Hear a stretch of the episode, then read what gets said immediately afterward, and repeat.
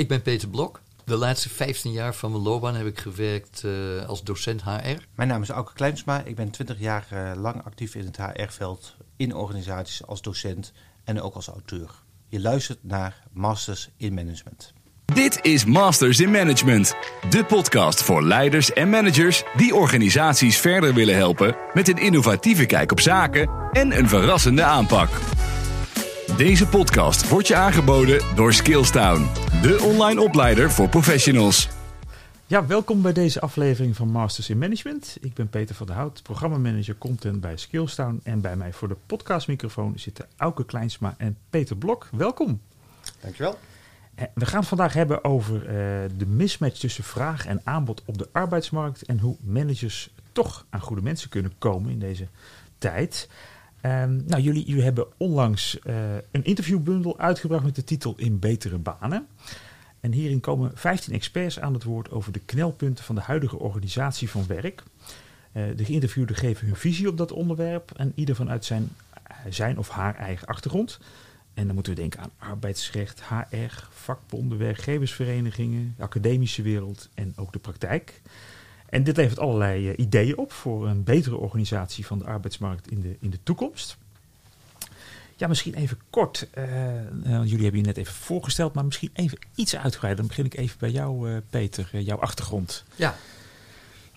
Ik ben ooit opgeleid als antropoloog, ehm, lang geleden. En vandaar uitgewerkt in internationale samenwerking. En toen op een gegeven moment, zo rond de eeuwwisseling, de switch gemaakt naar HRM. Uh, waar ik de laatste 15 jaar ook uh, lessen in heb gegeven bij de opleiding HR bij de Hogeschool van Amsterdam. Juist, ja. En dan aan het eind van mijn loopbaan ook nog gepromoveerd op dat onderwerp. Ja. En Auke, jouw achtergrond? Ja, uh, mijn achtergrond zit ook helemaal in de HR-wereld. En ik zeg altijd dat ik een, een, een, een blije, breed geïnteresseerde HRM'er ben. Ik heb in de HR-praktijk gewerkt, dus bij de verschillende organisaties mm -hmm. in verschillende HR-functies. Ik heb lessen gegeven, ik ben auteur. Um, uh, en nu bij, werk ik bij een werkgeversvereniging. Juist. En hoe zijn jullie eigenlijk bij elkaar gekomen voor dit uh, boek in Betere Banen? Ja, wij kennen elkaar uh, vanuit de Hogeschool van Amsterdam, waar wij bij, allebei als docent hebben gewerkt. En dit is eigenlijk de tweede bundel die wij geschreven hebben. Hiervoor hebben wij een bundel gemaakt, De Waarde van Vertrouwen. Wat eigenlijk ook een ongelooflijk leuke samenwerking was en ook een heel mooi boekje heeft opgeleverd. Juist, ja, ja. Oké, okay, nou dan uh, kunnen we over tot ja, het onderwerp eigenlijk, het centrale onderwerp uh, van het boek. Uh, een brede vraag, maar kunnen jullie inderdaad toch kort de, de huidige organisatie van werk in Nederland een beetje schetsen? En ik weet niet wie er wil beginnen van jullie. Mm -hmm. Ja, zal ik aftrappen? Um, ja, heel kort zeg je. nou, Als dat wat, kan. ja, nou laten we er een paar hoofdpunten uit uh, pikken. Eén uh, is dat uh, onze arbeidsmarkt heel erg centraal is georganiseerd. je ziet dat bijvoorbeeld aan een uitgebreide wet en regelgeving. Ja. cao's spelen nog steeds een heel belangrijke rol. Verder zie je veel invloed van wat we dan de sociale partners noemen. Mm -hmm. Waarbij wel de grote bedrijven overheersend zijn en het MKB wat minder aan bod komt. En verder, maar daar gaan we straks ongetwijfeld dieper op in, uh, dat er heel erg de nadruk wordt gelegd uh, op het type contract dat we hebben. Dus of een vaste aanstelling of ZZP. En uh, nou ja, daar, daar vinden wij ook iets van. Ja, Nee, hel, nou, dat is wel een hele helder. Heb je nog iets aan te vullen ook hierop? Uh, ja, wat ik eigenlijk leuk vind om, uh, om aan te vullen is dat wij dit boek hebben geschreven om juist buiten de dagelijkse HR-praktijk, dus buiten wat in organisatie zich afspeelt, ja. dus te gaan uitzoeken hoe is die arbeidsmarkt nou georganiseerd, welke partijen trekken daar aan de touwtjes, um, uh, want in de dagelijkse HR-praktijk heb je daar altijd mee te maken. Ja. Terwijl het lijkt alsof je er um, geen invloed op kan hebben, maar als je het goed gaat doorgronden van ja, wie beslissen ja, dat, dat is super interessant om, uh, om dat te begrijpen en dat beter te weten. Ja, precies. Dus je zegt eigenlijk al meteen van ja, je kan er toch wel degelijk veel meer invloed op uitoefenen dan je misschien wel denkt. Nou, laat ik, uh, ja. uh, laat ik er misschien. dit boek is wat mij betreft echt een oproep om aan HR-managers, directie, bestuurders. om echt ook, wij spreken met de vuist op tafel te staan. Want de dingen waar we elke dag last van hebben in de organisatie van de arbeid. Ja. wat beter kan, dat moeten we ook vanuit ja, vanuit de werkvloer moeten wij dat bij de beleidsmakers in Den Haag uh, terecht laten komen. En eh, ehm, eh, ja, er zijn een enorm scala aan onderwerpen waarvan ik denk, eh, laat, laat onszelf horen om het ook beter voor elkaar te gaan krijgen. Ja. ja, want zoals je het ook net schetste, Peter, die hele situatie, eh, voor, voor zover ik me kan herinneren, die is eigenlijk al best wel heel lang zo. Die hele Ja. centrale organisatie, die spelers die je noemde, eh, die het bepalen. Ja, klopt. Is eigenlijk, zeg maar, na de Tweede Wereldoorlog en misschien al wel een beetje daarvoor, is dat op die manier eh, gegroeid. Ja, we hebben ook een tijd geleden loonpolitiek gehad. Ja. En eh leidraad was eigenlijk toen, dat is een klein stukje geschiedenis, dat we ook in die periode, dat er heel erg gekeken werd naar de crisis hè, van eh, de jaren twintig. Van, en dat nooit meer. ja, ja. Dat was bij de actoren toen een belangrijk eh, uitgangspunt. Dus optimale werkgelegenheid en een eh, sterke rol voor de, voor de overheid in Ja. samenspraak met, met werkgevers. Dus Ja. dat klopt. Ja. Ja, en veel wet en regelgeving, Ja. eh, die, die steeds toch wel heel dominant is, lijkt het wel. eh. Ja, ja en. Dat, dat heeft ook heel lang eigenlijk best prima gewerkt. Hè. De. Je kunt overal wel kritiek hebben, maar dat, dat werkte redelijk goed. Veel harmonie, heel veel arbeidsrust ook. Hè. We hebben relatief in Nederland heel weinig stakingen gehad in de periode na de Tweede Wereldoorlog. Ja. En dat bouwwerk begint nu een beetje te, te kraken, omdat de wereld aan het veranderen is. Ja, precies. Want dat is natuurlijk toch wel een beetje de aanleiding ook, ook voor jullie boek. En ook wel een, een brede discussie die, er- die er heerst. Ik bedoel, dit komt niet uit de lucht vallen, Nee. zullen we maar zeggen. Dit is herkenbaar en eh, zeker ook bij, eh, bij HR en, en andere managers. Want als we inderdaad even kijken naar de, de huidige arbeidsmarkt. eh, nou, we hebben weer te maken met een overspannen arbeidsmarkt. Af en toe zitten daar wel wat pieken en dalen in natuurlijk. Maar toch kunnen we dat nu wel stellen. Ehm, ja, ook weer een grote vraag. Wat, wat gaat er op dit moment eigenlijk mis? Want als ik dan even puur kijk naar, naar veel werkgevers en managers in heel, heel veel sectoren die zeggen: ja, ik kan niet aan goede mensen komen. Dus op de een of andere manier is er een soort van mismatch. Want tegelijkertijd zijn er nog best wel veel mensen die toch nog eh, eh, om wat voor reden dan ook aan de kant staan. Eh, ja, wat, wat, wat gaat er voor jullie? Wat zijn de knelpunten Nee, ik, zou, eigenlijk? ik zou daar wel graag een, een aanzet voor willen geven. In, eh, we hebben onder andere eh, Ton Wildhagen geïnterviewd. En Ton Wildhagen was eigenlijk de enige in tijden van corona die eigenlijk al voorspelde dat die structurele mismatch en het tekort dat dat blijvend is. Dat is niet een probleem Ja. van vandaag, maar dat zal echt toch wel even voortduren. Ehm, eh, ehm, eh, in mijn woorden wint hij zich ook behoorlijk op over dat wij het echt nog niet voor elkaar echt georganiseerd krijgen. Dat mobiliteit beter gaat. Dat wij echt aan, aan een structureel opleiden van mensen. Dat, dat, dat krijgen we nog steeds niet goed georganiseerd. Ja, Ehm, eh, dus ik, ik noem hier eigenlijk al, al twee eh, eh, onderdelen waarvan ik denk. Ja, dit moet echt beter in Nederland. Ja, dus de, dat, inderdaad, je noemde inderdaad de opleiden, dus mobiliteit. En dan hebben we het ook intern binnen de organisatie of van... Nou, met name ehm, eh, eh, eh, tussen organisaties ja. en dan nog een stapje verder tussen verschillende branches. Mhm. Ehm, ik geef even een voorbeeld. Ik ben zelf eh, eh, 49. Ik heb behoorlijk wat carrièrewisselingen en bij verschillende organisaties gewerkt, ook in verschillende branches. Mijn laatste overstap is een jaar geleden. En wat er dan gebeurt, en ik ga toch maar even niet om het ehm, eh, te dramatiseren, maar wel even om het feitelijk te beschrijven wat er gebeurt. Ik had gewoon een vaste baan met een vast contract. Ik wilde wel weer eens wat anders. Dus ik kom in een nieuwe baan terecht Ja. met een proeftijd, met weer een jaarcontract. eh, eh, en erger nog, eh, met een pensioenbreuk. Dus de mobiliteit past helemaal niet, of hè, mobiliteitsbevordering Ja, past helemaal niet in hoe het georganiseerd is. Want de risico's van een nieuwe baan nemen, die zijn gewoon hartstikke groot. En die risico's liggen bij de, bij de werknemer die eigenlijk het goed doet. Want die ontwikkelt zichzelf en die doet Ja, eens wat ja. anders. En dat is eigenlijk schokkend. Ja, dus je wordt als het ware een beetje gestraft voor je gevoel eigenlijk. Terwijl je wel mo- mobiliteit eh, en duurzame inzetbaarheid zelf hoog op het vaan, in het vaandel Nou, hebt ik denk staan. dat een belangrijke waarde van werk op dit moment echt is dat mensen zich willen ontwikkelen, dat mensen willen groeien, dat mensen weer anders willen. eh, hè, dus eh, lifelong employment, dat bestaat gewoon niet meer. Dus gemiddeld elke zeven jaar wisselen wij van baan. Ja, Maar dan moet het systeem wel zo georganiseerd zijn dat dat ook goed gaat. En dat je daar niet een, de negatieve prijs voor moet betalen. ja, ja. En, en zou je inderdaad kunnen stellen dat ja, eh, werkgevers en, en, en managers HR of andere business managers die mensen zoeken, hier eigenlijk ja, wel last van hebben van het systeem, om het dan zo maar even te noemen. Is Ja. Dat, ja, dat kunnen we wel stellen. Jazeker. Ik heb wat Auke beschrijft. De, de, er is een soort verstarring. Ja? En ook dat, eh, dat denken van, van de laatste decennia, denken in vastcontracten, denken in termen van cao's. Dat verhindert eigenlijk dat eh, bedrijven of HR-adviseurs, dat die ja, wat creatiever zijn. Dus eh, we zien een gebrek aan innovatie. Ja. Met als risico dat eh, ja, als je echt heel talentvol wil, dan, eh, dan ga je weg. Dat, dat, dat is het risico. Ja. En, en dat we vastlopen een beetje in de. Dat was ook een van de dingen die uit mijn eh, onderzoek eh, kwam. Dat de meeste mensen zien wel dat er dingen veranderen en dat ook HR mee moet. Maar als we dan kijken hoe gaan we dat doen, dan pakken ze de gereedschapkist van tien jaar geleden. Ja, precies. En dat ja. werkt niet. Ja. Sterker nog, de gereedschapkist van 50 jaar geleden. Ja, ja, ja. Ja, ja. En nou ja, dan is natuurlijk ook de, de, de, de volgende vraag. eh, misschien nog even dan te gaan over het systeem. Hè? Want dat is natuurlijk ook wel een, een, ook weer zo'n zo'n Hmm. beetje een, een container.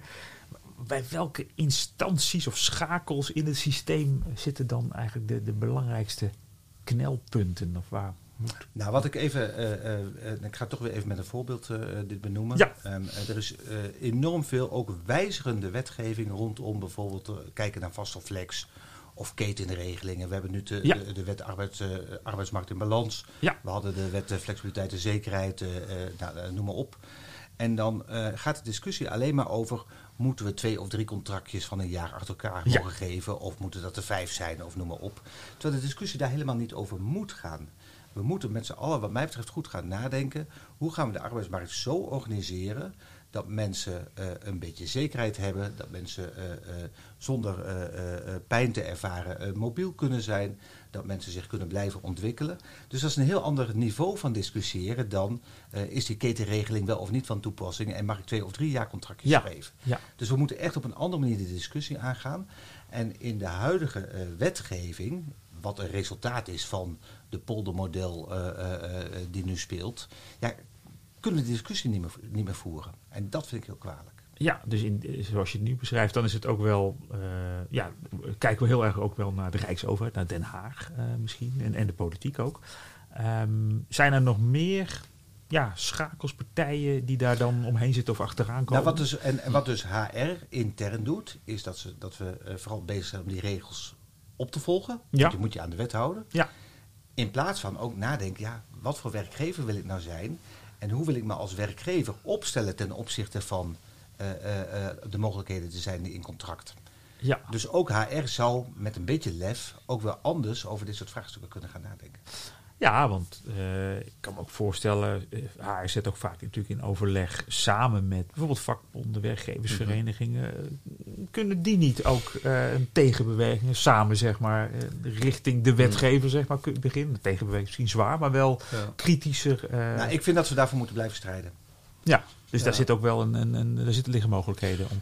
Ja, die zijn er wel. Eh, wat je natuurlijk wel ziet is dat vakbonden hebben ook hè, in die, de, zeg maar de tweede helft van de vorige eeuw, die hebben natuurlijk een ontzettend belangrijke en positieve eh, rol gespeeld, Ja. überhaupt in de geschiedenis.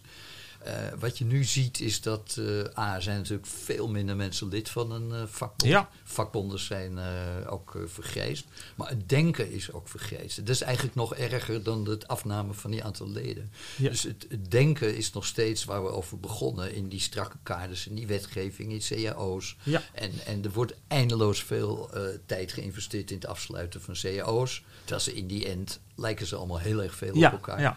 En eh, dus dat is ook, eh, nou ja, mijn idee heel veel verloren eh, energie. Maar je vraagt naar, naar, naar instituties of actoren of wie daar een rol speelt. Maar het zit voor mij ook in het hele denken. In, in de, de veel, nou, niet, niet allemaal de mensen die wij hebben geïnterviewd, maar ook in het denken over de arbeidsmarkt, arbeidsmarktsocioloog, het ministerie van Sociale Zaken. Ja. Daar zie je dat dat naoorlogs eh, sterk gestructureerde systeem wordt toch nog wel een beetje in stand gehouden. En je ziet dat het mooist bij eh, bijvoorbeeld de hele discussie over ZZP'ers. Die zijn Ja. al jaren aan het eh, voeren. En toch komt het maar niet tot, tot een goede wetgeving. Naar mijn idee, omdat we een beetje vastzitten aan die discussie van vast of flex, of vast contract, niet vast contract. Ja. Dat, ja, dat is naar ons idee niet de kern. Nee, wat, wat, wat is wel de kern, is dan eigenlijk mijn vraag.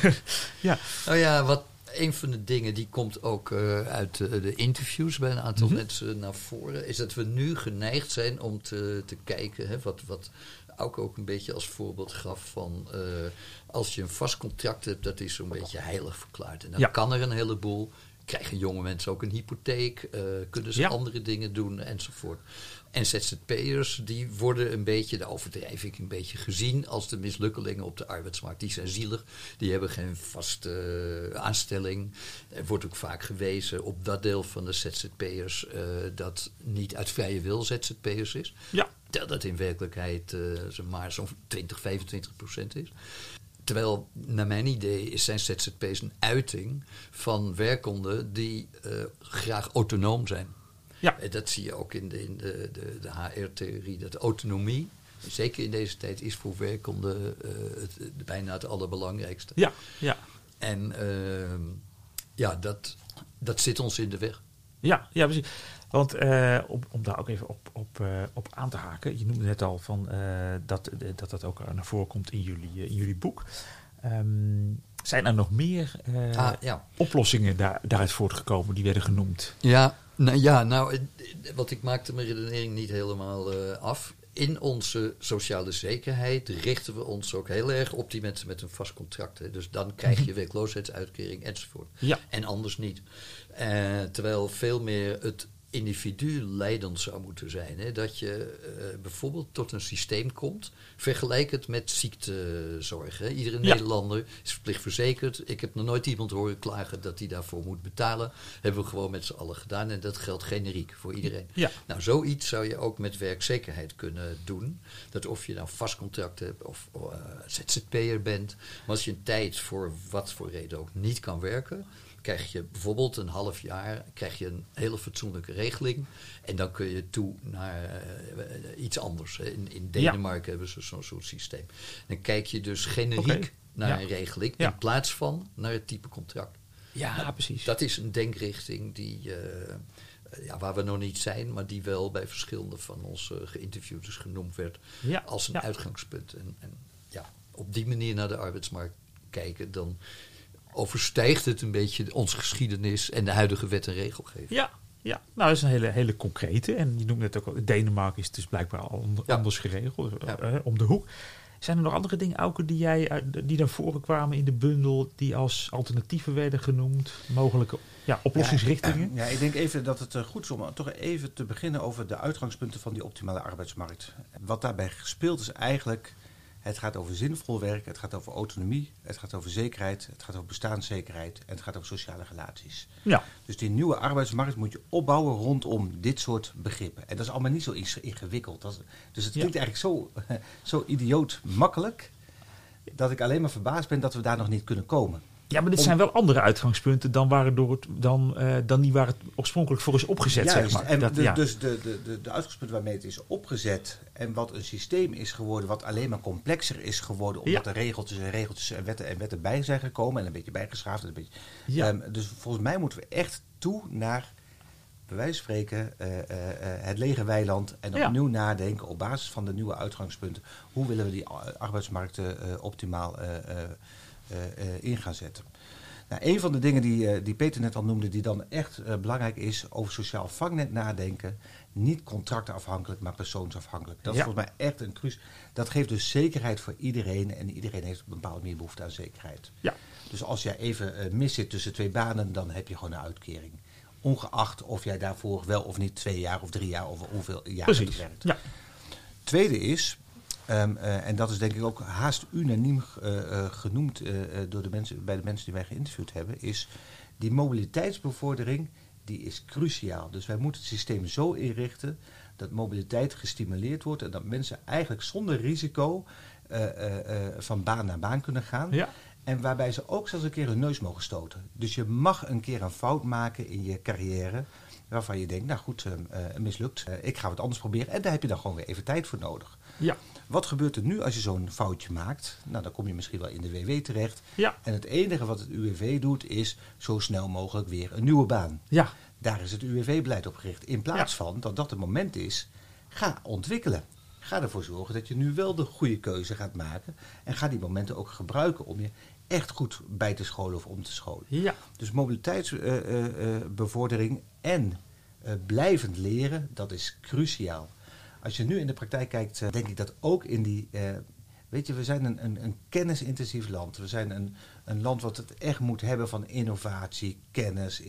We moeten veel meer tijd hebben, eh, ruimte krijgen om te leren, om te scholen, bij te scholen.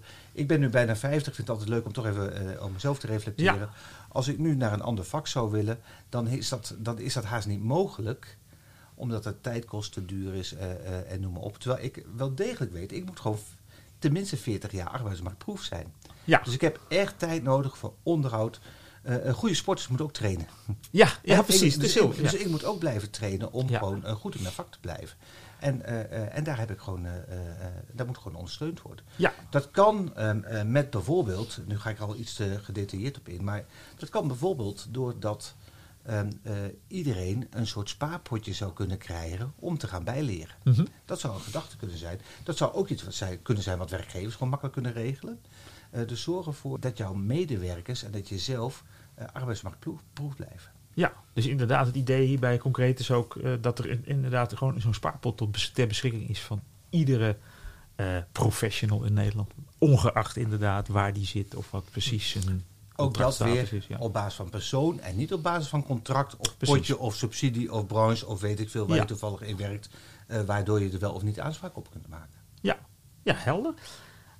Nog, nog andere dingen, want jij noemde inderdaad al een stuk of vier, vijf, eh, hoorde ik, eh, ja, eigenlijk uitgangspunten. Dus ik kan me voorstellen dat bij die uitgangspunten ook verschillende ideeën horen. Nou ja, om nog even een puntje wat Auke noemt over die scholing. Hè? Bij, bij Ja. een, een klassieke HR, eh, een man of vrouw, die zal zeggen van nou, je mag wel een opleiding doen, maar het moet wel eh, binnen de sector passen. Moet bij Ja. je baan horen. Ja, Terwijl eh, je ook zou kunnen zeggen van eh, je kunt een opleiding doen. En het maakt me niet uit wat je doet, als je maar iets doet waar je plezier in krijgt, waar je nieuwe ideeën krijgt. Maakt niet uit wat. Dat is een omgekeerde Ja. redenering. Nou, dat, en, dat is helemaal de redenering ook van Skillstown trouwens.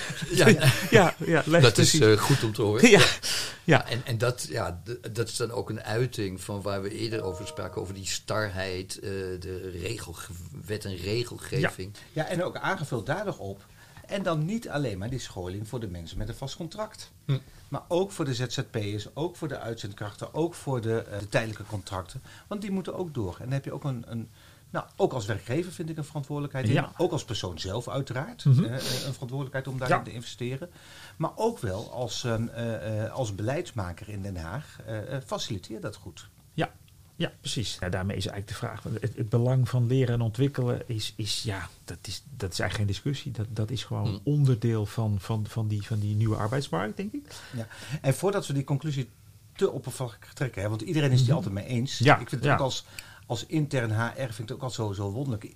Ik heb nooit discussie gehad over dat opleiden eh, of, of leren of ontwikkelen. Nee? Dat- die discussie die is er niet. Nee. Alleen als je echt gaat, gaat eh, eh, doordenken van het lukt toch vaak niet in de praktijk. En hoe komt dat dan? Ja, En dan kom je toch op of hele praktische redenen. We zijn te druk, of, eh, eh, of mensen willen niet, Mhm. of eh, het moet in eigen tijd, of van de werktijd. Of, dan kom je altijd op dat soort... eh, dus, dus ik vind het echt fascinerend altijd dat... ook van het motivatiedenken heb ik altijd geleerd...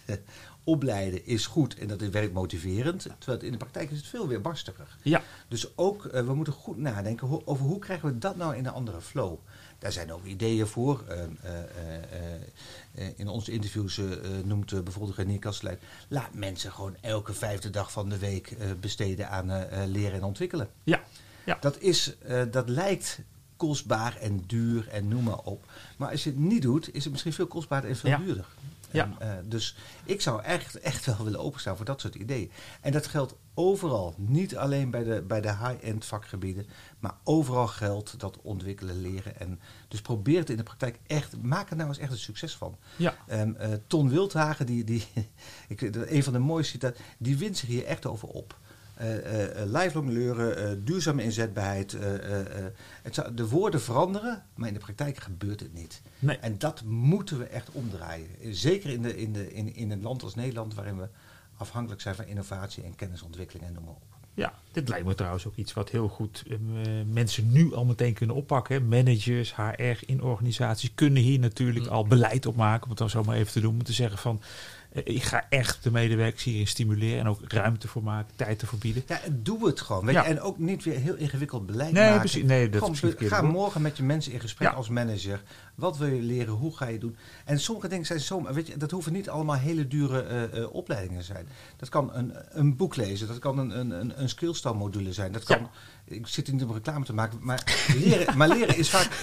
Maar het kan zo makkelijk zijn. Dan ga eens bij een andere afdeling een dagje Ja. meelopen. Ga eens, weet je, leren kan zo ontzettend makkelijk zijn, wat direct inspirerend is. Doe het gewoon en neem er tijd. En ook voor werknemers, ga het gewoon doen. Ja, dus neem zelf. Nou, dat dit is eigenlijk. Ja, ik kan er nu bijna niet meer omheen. Dus eh, inderdaad, eh, de volgende mededeling. En daarna kom ik bij jullie eh, terug om het te hebben over management dilemma's. Bij Skillstown geloven we dat professionele ontwikkeling voor iedereen betaalbaar en beschikbaar moet zijn. Daarom hebben we een compleet corporate MBA-programma ontwikkeld dat iedere professional online kan volgen. Kijk voor meer informatie op www.skillstown.com/cmba. Management dilemma's. Ja, ik heb een aantal management dilemma's eh, voor jullie eh gezocht. Die zijn, heb ik een beetje geformeerd rondom het aantrekken, eh, behouden van, van medewerkers. Ik denk dat het ook weer de gelegenheid is om nog een aantal dingen die jullie ook in het, in, in het boek zijn tegengekomen onder de aandacht te brengen.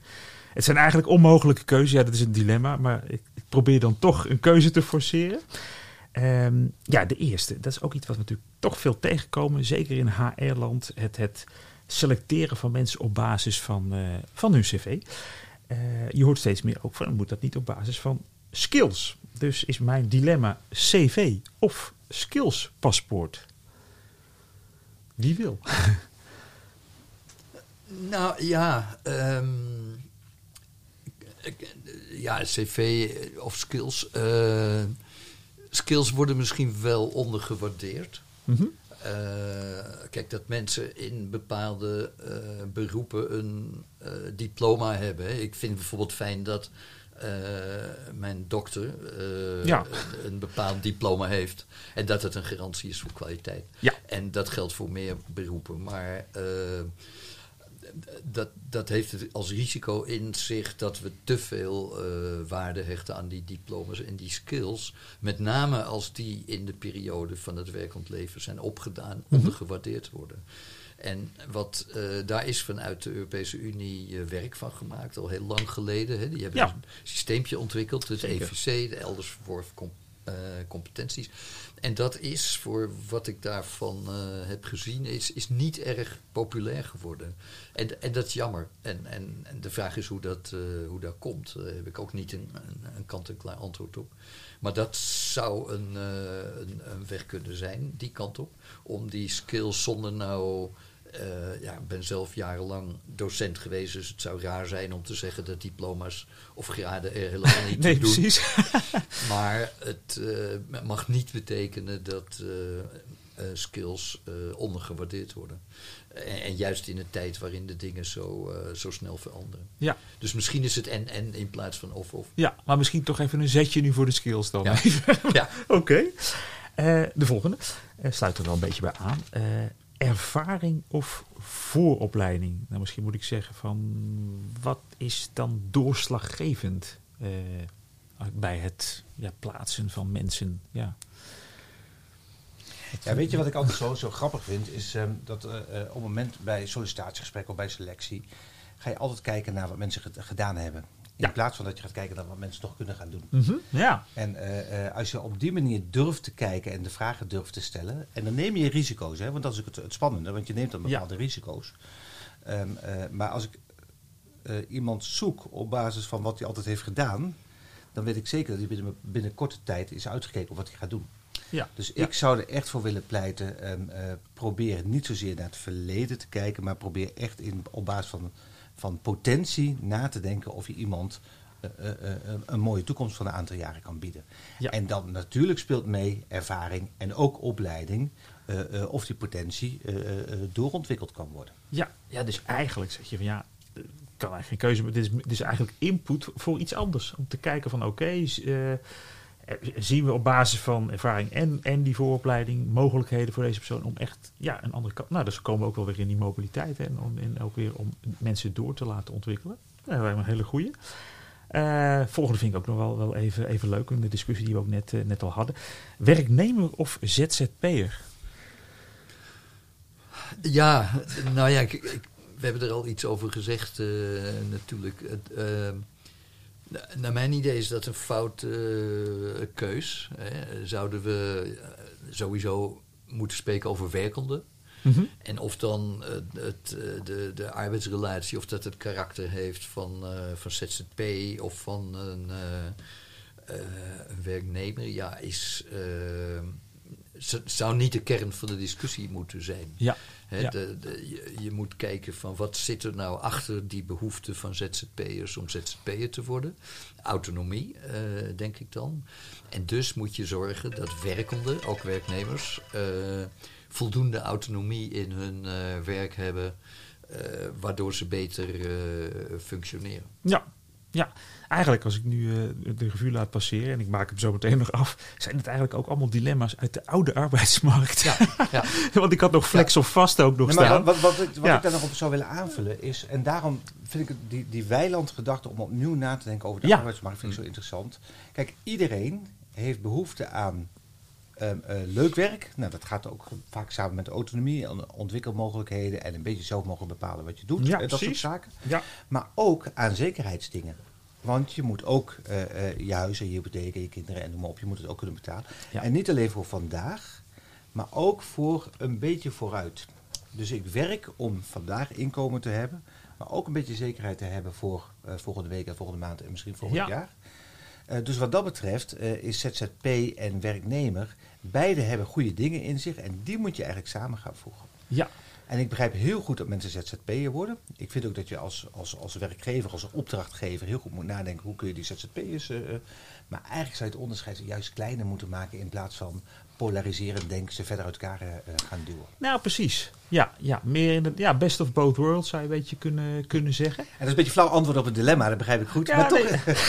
nee, nou ja, ik concludeer nu zelf dat die dilemma's heel erg eh, voortkomen uit, uit de, de, de, de, de, Mm. de oude manier van denken, zullen we het nu maar even noemen. En dat geldt ook wel over die flex-vast uh, uh, discussie. Uh, om daar dan toch nog wel iets bij jullie uh, na te vragen. Uh, wellicht ook op basis van wat jullie inderdaad uit de interviews naar voren is gekomen. Um, daarbinnen is natuurlijk toch altijd is, is een probleempunt wel inderdaad aan de flexkant. Dat die onderkant van, van de arbeidsmarkt. dat die mensen eigenlijk als eerste slachtoffer zijn als er sprake is van nou, crisis, coronacrisis. De, degene die daar zitten hadden als eerste de, de last van en konden ook moeilijk op dat moment iets anders vinden. Um, hebben jullie daar nog dingen over gehoord die... Uh, ja, ik, ik, wil er wel even één ding, want um, uh, ik wil het ook nog iets duidelijker maken. Er zijn in Nederland op dit moment 400.000 werkende armen. Ja. Dat betekent dat er 400.000 mensen zijn die gewoon 40 uur per week werken, maar die daar niet van kunnen leven. Ja. ja. Het aantal dat neemt toe. Uh, dat zijn mensen die misschien wel twee baantjes moeten hebben om hun huur en hun, en hun boterham te kunnen betalen. Dat is echt, echt onwenselijk. En zo is het gegroeid. En je ziet het met name aan de. Nou goed, de, de voorbeelden zijn er natuurlijk. Ja. Van uh, postbezorging tot doe maar op. In die hoek moet je het zoeken. Het is echt te gênant dat wij in Nederland het fenomeen werkende armen kennen. Daar moet wat aan gedaan worden. Dus, uh, als je dat doorvertaalt naar een oplossingsrichting. En dat is iets waar bijvoorbeeld een Evert Verhulp goed over vertelt in onze, in onze bundel. Mhm. Mm -hmm. het begrip solidariteit moet weer een plek krijgen in de discussie over arbeidsmarkt. Dus wij moeten met elkaar nadenken over hoe we solidair zijn in de verdeling van inkomen op die arbeidsmarkt. En die onderkant is echt hartstikke kwetsbaar. Ja. Dus solidariteit moet weer een plek. Het lijkt een beetje een vies woord in de, in de tendens in de geschiedenis van de laatste twintig jaar. Want het is toch een beetje eigen schuld. En het is, maar dat is echt niet zo. We moeten, Ja. we moeten echt weer meer solidair leren zijn. Wat ik daarop wil aanvullen, en dat, um, uh, dat heeft Kees Fuik heel mooi naar boven gebracht, dat die, dat die verdeling in de maatschappij tussen rijk en arm, vaak gebaseerd op intelligentie, want dat is een beetje of, of op waar je vandaan komt, Ja, ja. die wordt prominenter. Ja. En, en wat, wat misschien een beetje eng is, is dat de werelden die zien elkaar niet meer. in grote Dat zijn bedrijven. bubbels naast elkaar. Dat zijn bubbels ja. naast elkaar. Dus het begrip eh, eh, eh, is er ook over en weer minder en minder. Dus iemand die het goed heeft, die kan zich niet inleven hoe het is om arm te zijn. En iemand die arm is, die kan zich eigenlijk niet goed voorstellen hoe het is om, om niet eh, eh, arm te zijn. Ja. Want ze spreken elkaar niet meer. Ehm, eh, zelfs in bedrijven op personeelsfeestjes, de catering is geoutsourced, dus die hebben een ander personeelsfeestje. Ja. Dus zelfs Ja. op een personeelsfeestje ontmoeten de, de mensen elkaar niet meer. Ehm, en ehm, Kees Fuiken, eh, voor hem is ook een aanleiding om eigenlijk te pleiten voor ja, de trots van arbeid, zoals die 50 jaar geleden bestond. De trots op de mijnwerker, op degene die het land heeft opgebouwd. Dat mag wel weer een plekje krijgen. Ja, precies, ja. En ehm, eh, hier wil ik ook wel een pleidooi voor houden. En dat is ook een beetje in de systemen natuurlijk, maar ook wel een beetje van hoe kijken we naar elkaar. En eh, eh, vinden we met, met elkaar acceptabel dat wij 400.000 werkende armen hebben? Ik Ja. denk van niet. Nee, nee een heel, heel goed punt. En het sluit denk ik ook wel weer aan bij de eerder genoemde oplossingsrichtingen. Toch dat, ja, dat, dat vangnet zeg maar breed inzetten. En zodat we ook aan die kant meer kunnen doen. En aan de andere kant waar het niet nodig is, daar is het niet nodig. Dus dat eh, lijkt me heel goed, eh goed pleidooi. Nou, dan heb ik tot slot eigenlijk alleen deze nog. De gouden management tip. Ja, waar we altijd mee afsluiten, toch nog een paar concrete tips eh, voor, voor, de, voor managers, leidinggevenden. die natuurlijk toch bezig zijn met het aantrekken en, en ook het vasthouden van, van, van mensen. Ja, als jullie dat, de, de dingen die verteld zijn en die jullie hebben in het, in het boek ook eh, voorbij zijn gekomen, als je dat de revue laat passeren, welke tips, hele praktische tips, eh, zou je willen meegeven aan, aan managers op dit moment? Ja, ik heb er wel een aantal. Ja, kijk. Eh, en eh, die moet je ook een beetje zien. eh Auke die noemde eerder dat wij ook een boekje hebben geschreven over de waarde van vertrouwen. Mhm. En dat heeft hier eh, voor een deel mee te maken. In die, ik kom weer even terug op die, eh, die, die oude structuur van de tweede helft van de vorige eeuw. Daar was het leidend principe command en control. Van bovenaf leg je regels op en eh, die moeten van onderaf uitgevoerd worden. ja, ja. Terwijl een alternatief model zou kunnen zijn, ehm, zonder nou daar heel naïef in te worden, maar dat je meer op, op basis van vertrouwen werkt. Nou, hoe kan dat eruit zien? Ehm, mijn eerste tip zou zijn, voor je gaat werven, denk na over wat je te bieden hebt als manager Mhm. en als eh, eh, onderneming of als eh, instelling. Twee, maak, en dan komt dat vertrouwen terug, goede afspraken met je werkende over de te verwachten resultaten. Zodat je mensen ook weten waar ze, waar ze aan toe zijn, waar ze op beoordeeld Mhm. worden. En drie is, wat ik zelf wel eens het eh, drie-blok systeem heb eh, genoemd. En dat houdt in dat je, als je begint met een eh werkende, je hebt iemand aangenomen, dan kun je grofweg drie categorieën onderscheiden. Iemand is een eh bloeier, dus Ja. die komt binnen en die zegt van nou, eh, en je vraagt wat, waar sta je over vijf jaar? En dan zegt iemand van nou, dan ben ik jouw baas. Nou, dat is een mooie ambitie. En dan ga je kijken, oké, daar, daar gaan we naartoe. Eh, is dat haalbaar? Enzovoort. En dat check je ieder jaar af. Ja. Is dat nog steeds je ambitie? Heb je het laten zien? Of wat kom je tekort? Of het zit er niet zo in? Tweede, dat is de blijver. Dat is iemand die zegt van nou, ik eh, doe die baan met heel mijn hart, maar tussen 9 en 5. Daarna heb ik andere dingen. Eh, reken niet te veel op mij buiten werktijd, maar ik doe mijn best en ik doe gewoon de dingen die ik moet doen. En de derde is de bezoeker. Dat is iemand die zegt van nou, ik wil voor jullie drie jaar werken. De Dan, bezoeker, ja. eh, de bezoeker, ja. Eh, dan zal ik mijn uiterste best doen, maar daarna ben ik weer weg. Ja. Ook een deal. En zolang je dat maar ieder jaar afcheckt, dan kun je het ook bijstellen en aanpassen en Ja, andere precies. eh, afspraken maken. En nu, omdat we in die kramp zitten, in die vaste aanstelling, durven we dat niet aan de orde te stellen. Want mensen zijn, eh, je stelt je kwetsbaar op als Ja. je zegt van nou, ik ben met drie jaar weg. Dan ben je in veel bedrijven al weg. Ben je nu, ja, ja. Dus zeggen mensen het niet. En ik denk dat transparantie daarover eh, eh, wel een goed idee is. Ja, hele goede tip. Ja, heel bruin. Nee, kan het niet. Ja. Auke, heb jij nog eh, tips? Ja, mijn tip is eigenlijk vooral ehm, bij alles wat je doet met je eh, eh, medewerkers, stel, je, stel jezelf de vraag: ben ik een goed werkgever? En dat betekent: geef je autonomie, geef je on- ontwikkelmogelijkheden, geef je zekerheid eh, eh, en geef je leervermogen. En volgens mij bij alles wat je doet gaat het om die drie dingen, of die vier dingen. eh, laat dat leidend zijn. Ja, dus inderdaad, ga dat rijtje bij jezelf af als manager en zorg dat je daar antwoorden voor jezelf op hebt. Van, en, en als het dat niet zo is, je denkt, hé, hey, hier op, op bepaalde punten kom ik tekort, ga, ook, ga daar dus aan werken. Want dat heb je dus echt nodig om. En dat is belangrijker dan welke wet en welke regels en noem maar op. Maar zorg gewoon dat je een goede werkgever bent. Ja, Je had in, in ons voorbereiding had je er nog een. Hè? Toon lef, dat vond ik zo mooi. Hè? Nou, toon lef daarmee. Hmm. Dus probeer buiten de, de regels en de wettelijke kaders te denken, omdat je staat voor goed werkgeverschap. ja, precies. Nou, dat lijkt me een waardige afsluiting. Ja, bedankt uh, Auke en, en Peter. En uh, nou, ik kan iedereen dus aanraden uh, in betere banen om dat boek te gaan, te gaan lezen. Want daar staat, ja, er staan nog, volgens mij nog veel meer dingen in die, over, over dit onderwerp. En Zeker. dit is voorlopig nog, zijn we nog niet klaar mee met dit onderwerp. Dus voor de genoeg te ontwikkelen. Dus ga dat doen. Uh, ja, en dan uh, ben je nou nog inderdaad op zoek naar nog veel meer kennis en inspiratie uh, voor managers. Dan kun je ook terecht op het online kennisplatform van Skillstown. Kijk daarvoor op skillstown.nl slash cmba. En hiermee zijn we bijna aan het einde van deze podcast. Wil je reageren op deze aflevering of heb je suggesties voor gasten? Laat dan je review achter op je favoriete podcast app of stuur een mail naar podcast.skillstown.com. Bedankt voor het luisteren en tot de volgende aflevering van Masters in Management.